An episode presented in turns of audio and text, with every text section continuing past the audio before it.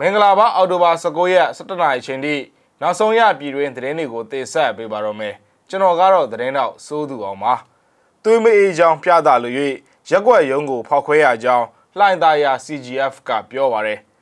AKBZ လေချောင်းလိုက်လေရင်အင်ဂျင်နီယာကိုမင်းမင်းဆိုစစ်ကြောရေးမှာညှဉ်းပန်းရိုက်နှက်မှုတွေကြောင့်တေဆုံးသွားပါပြီမန္တလေးမြို့မှာပောက်ကွဲမှုတွေဖြစ်ခဲ့ပါတယ်ပသိမ်ကမိုင်းသေးတာဝါတိုင်းကို Area 14အဖွဲ့က မိုင်းခွဲဖျက်ဆီးလိုက်ပါတယ်။ရန်ကုန်မြို့ကအင်းစိန်အချင်းတော်ရှိမှာပြည်သူတွေစောင့်ဆိုင်းနေကြတဲ့မြင်ကွင်းကိုလည်းဖော်ပြပေးဖို့ရှိနေပါတယ်။ရန်ကုန်မြို့ရှိအင်းစိန်အချင်းတော်ရှိမှာပြည်သူတွေဟာပြန်လည်လွတ်မြောက်လာမဲ့သူတွေကိုစောင့်ဆိုင်းနေကြပါတယ်။အာနာသိန်းချမ်းဘတ်စစ်ကောင်စီကအချင်းကြခံရသူ1316ယောက်နဲ့တရားစွဲဆိုခံရသူ4320ဦးကိုလွှတ်ပေးကြောင်းကြီးညာအပြီးအခုလိုမျိုးစောင့်ဆိုင်းနေကြတာပါ အင်းစိန်အချင်းတောင်ရှိပြည်သူတွေစောင့်ဆိုင်းနေကြတဲ့မြင်ကွင်းတချို့ကိုလည်းဖော်ပြပေးလိုက်ရပါတယ်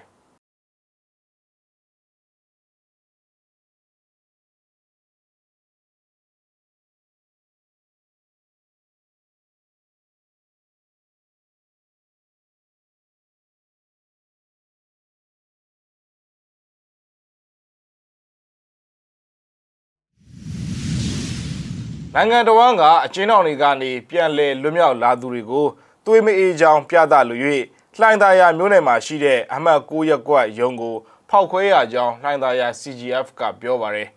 အော်တိုဘာ18ရက်ည8နာရီဝန်းကျင်မှာဖောက်ခွဲတက်ခိုက်လိုက်တာဖြစ်ပြီးဘုံ၅လုံးမှာ၃လုံးပဲကွဲခဲ့တယ်လို့ဆိုပါရယ်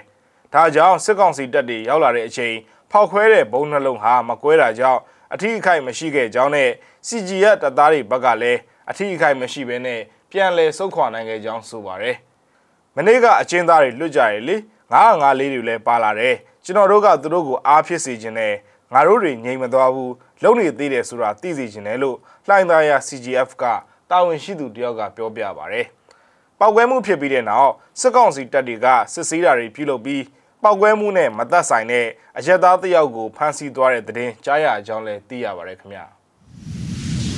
AKBZ လေချောင်းလိုင်းရဲ့ လေယာဉ်အင်ဂျင်နီယာဟာစစ်ကြောရေးမှာရရှိတဲ့ညှဉ်းပန်းနှိပ်စက်ခံရမှုတွေကြောင့်တိတ်ဆုံးသွားပြီလို့သိရပါတယ်။တိတ်ဆုံးသူဟာအသက်33နှစ်အရွယ်ကိုမင်းမင်းဆိုးဆိုသူဖြစ်ပြီးသူဟာဖမ်းဆီးစစ်ဆေးခံရတဲ့အင်ဂျင်နီယာတွေထဲမှာအသက်အငယ်ဆုံးအင်ဂျင်နီယာတစ်ယောက်ဖြစ်တယ်လို့ဆိုပါတယ်။အဆိုပါလေယာဉ်အင်ဂျင်နီယာကိုစစ်ကြောရေးမှာစစ်ဆေးပြီးအင်းစိန်ထောင်ကိုပို့ဆောင်လိုက်စင်မှာတိတ်ဆုံးသွားတာလို့လည်းခေတ်သစ်မီဒီယာမှာဖော်ပြပါရတယ်။စစ်ကြောရေးမှာအပြင်းအထန်နှိပ်စက်ညှဉ်းပန်းခံရတာကြောင့် တေဆုံးတာဖြစ်နိုင်ကြောင်းအမည်မဖော်လိုတဲ့သတင်းပေးဖို့သူကပြောပါတယ်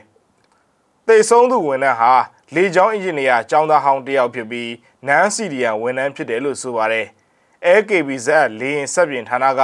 ဝန်ထမ်းထက်ဝက်ကျော်အပြင်ရုံးအဖွဲ့ဝင်တချို့ပါဖမ်းဆီးစစ်ဆေးနှိပ်စက်ခံနေရတယ်လို့ခိုင်လုံတဲ့သတင်းရက်ကွက်ကဆိုပါတယ်။လူငယ်ဖြစ်တဲ့အတွက်မဟုတ်တဲ့ဆွဲဆိုချက်တွေကိုဖြောင်းချက်ပြီးခိုင်းရမှာပြန်ပြောလို့နှိပ်စက်ခံရတာဖြစ်နိုင်ကြောင်းနဲ့ ကနဦးဖမ်းဆီးစစ်ဆေးစဉ်ကမပါဝင်ပဲနောက်ပိုင်းမှာထပ်သိုးဖမ်းဆီးခံခဲ့ရတာဖြစ်တယ်လို့ကိုမင်းမင်းစိုးနဲ့ရင်းနှီးသူတို့ကပြောပြပါဗျ။အဆိုပါဖြစ်စဉ်ဟာဩဂတ်စ်လ12ရက်မှာဖြစ်ပွားခဲ့တာဖြစ်ပြီးရန်ကုန်ဟဲဟိုခီးစဉ်ပြန်တတ်မဲ့ ADR 72 600ကိုမပြန်တန်းခင်စစ်ဆေးစဉ်လေရင်ရဲ့ pilot tube အတွင်းတရွတ်တွေတူးခဲ့တာကြောင့်လေကြောင်းဝန်ထမ်းတချို့ကိုစစ်ကောင်စီကဖမ်းဆီးစစ်ဆေးပြီးအခုလိုမျိုးတေဆုံးမှုဖြစ်ပွားခဲ့ရတာပါ။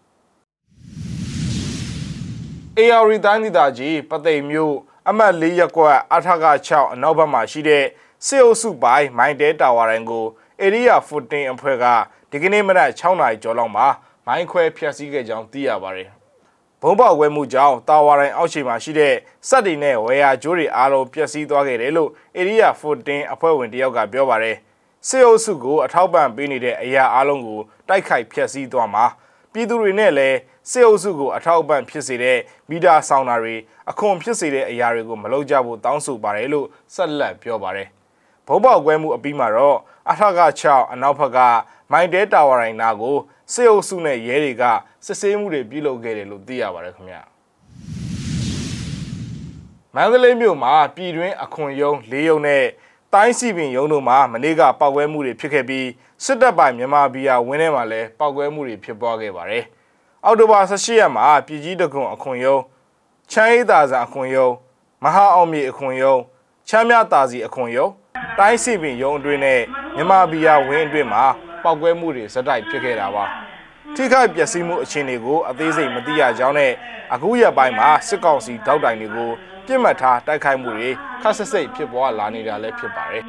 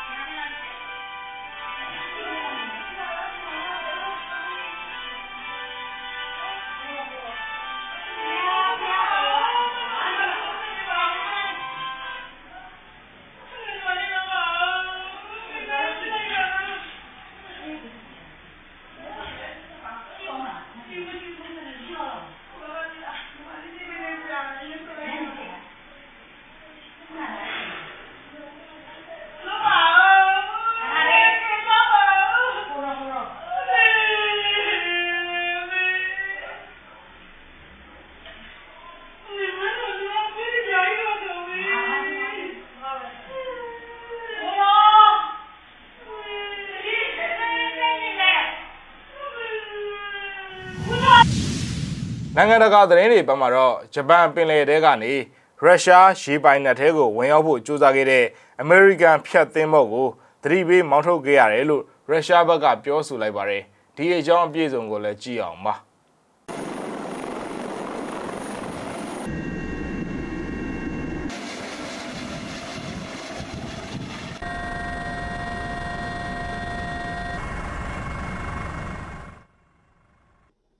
အမေရိကန်ရေတပ်ဖြတ်သင်းမောတစ်စီးဟာဂျပန်ပင်လယ်တွင်းကရုရှားရေပိုင်နက်ထဲကိုကျူးကျော်ဝင်ရောက်ဖို့ကြိုးစားလာတဲ့အတွက်ရုရှားစစ်သင်းမောတစ်စီးကမောင်းထုတ်ခဲ့ရကြောင်းအော်တိုဘာလ15ရက်တောက်ကြနေ့ကမော်စကိုအစိုးရရဲ့ထုတ်ဖော်ပြောဆိုမှုအပေါ်ဝါရှင်တန်အစိုးရကညှင်းပယ်လိုက်ပါတယ်။အဆိုပါရေပြင်အတွင်းရုရှားနဲ့တရုတ်ပူးတွဲစစ်ရေးလှုပ်ဆောင်စဉ်မှာအခုလိုဖြစ်ရပေါ်ပေါက်ခဲ့တာဖြစ်ပါတယ်။ဂျပန်ပင်လယ်အတွင်းလှုပ်ရှားနေတာရက်အတော်ကြာပြီဖြစ်တဲ့ American ဖြတ်သင်းမောရှဖီဟာ ရုရှားဖက်ဒရေးရှင်းရဲ့ရေပိုင်တဲ့အနည်းကိုချင်းကပ်လာပြီးဝင်ရောက်ဖို့ကြိုးစားခဲ့တဲ့အတွက်ရုရှားဖျက်သင်္ဘော Admiral Tribus ကဒီလိုလုပ်ရမျိုးတွေကိုတီးခံမှာမဟုတ်ကြောင်းတတိပေးချက်လှမ်းပို့ခဲ့ကြောင်းရုရှားကာကွယ်ရေးဝန်ကြီးဌာနရဲ့ထုတ်ပြန်ချက်မှာဖော်ပြထားပါတယ်။သို့တော်လည်း American စစ်သင်္ဘောရှက်ဖီကတတိပေးချက်ကိုလစ်လျူရှုပြီးရုရှားဖက်ဒရေးရှင်းရဲ့ရေပိုင်နက်ကို ထိပါဖို့ကြိုးစားခဲ့တဲ့အတွက်နိုင်ငံတကာရေကြောင်းဥပဒေများနဲ့အညီရုရှားစစ်သင်္ဘော Admiral Tribus ကအဆိုပါသင်္ဘောကိုမောင်းထုတ်ဖို့ဆောင်ရွက်ခဲ့တယ်လို့ဆိုပါတယ်။ ရုရှားစစ်သင်္ဘောနဲ့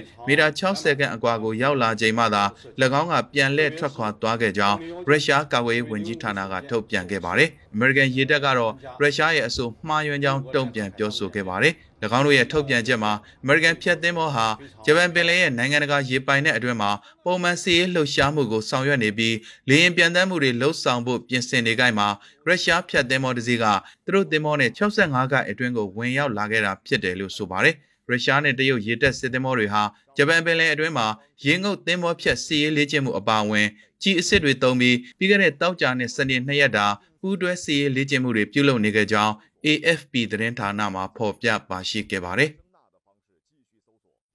发现疑似目标后，南昌舰现在直升机迅速升空前出进行。 မြစီမရဲ့သတင်းအစီအစဉ်ကိုဒီမှာခဏရနာကြပါတယ် ကြည့်ရှုခဲ့တဲ့မိဘပြည်သူသူချင်းစီကိုကျေးဇူးအထူးပဲတင်ရှိပါတယ်ကျွန်တော်တို့သတင်းနဲ့အတူတူပြန်ဆောင်ကြပါဦးမယ်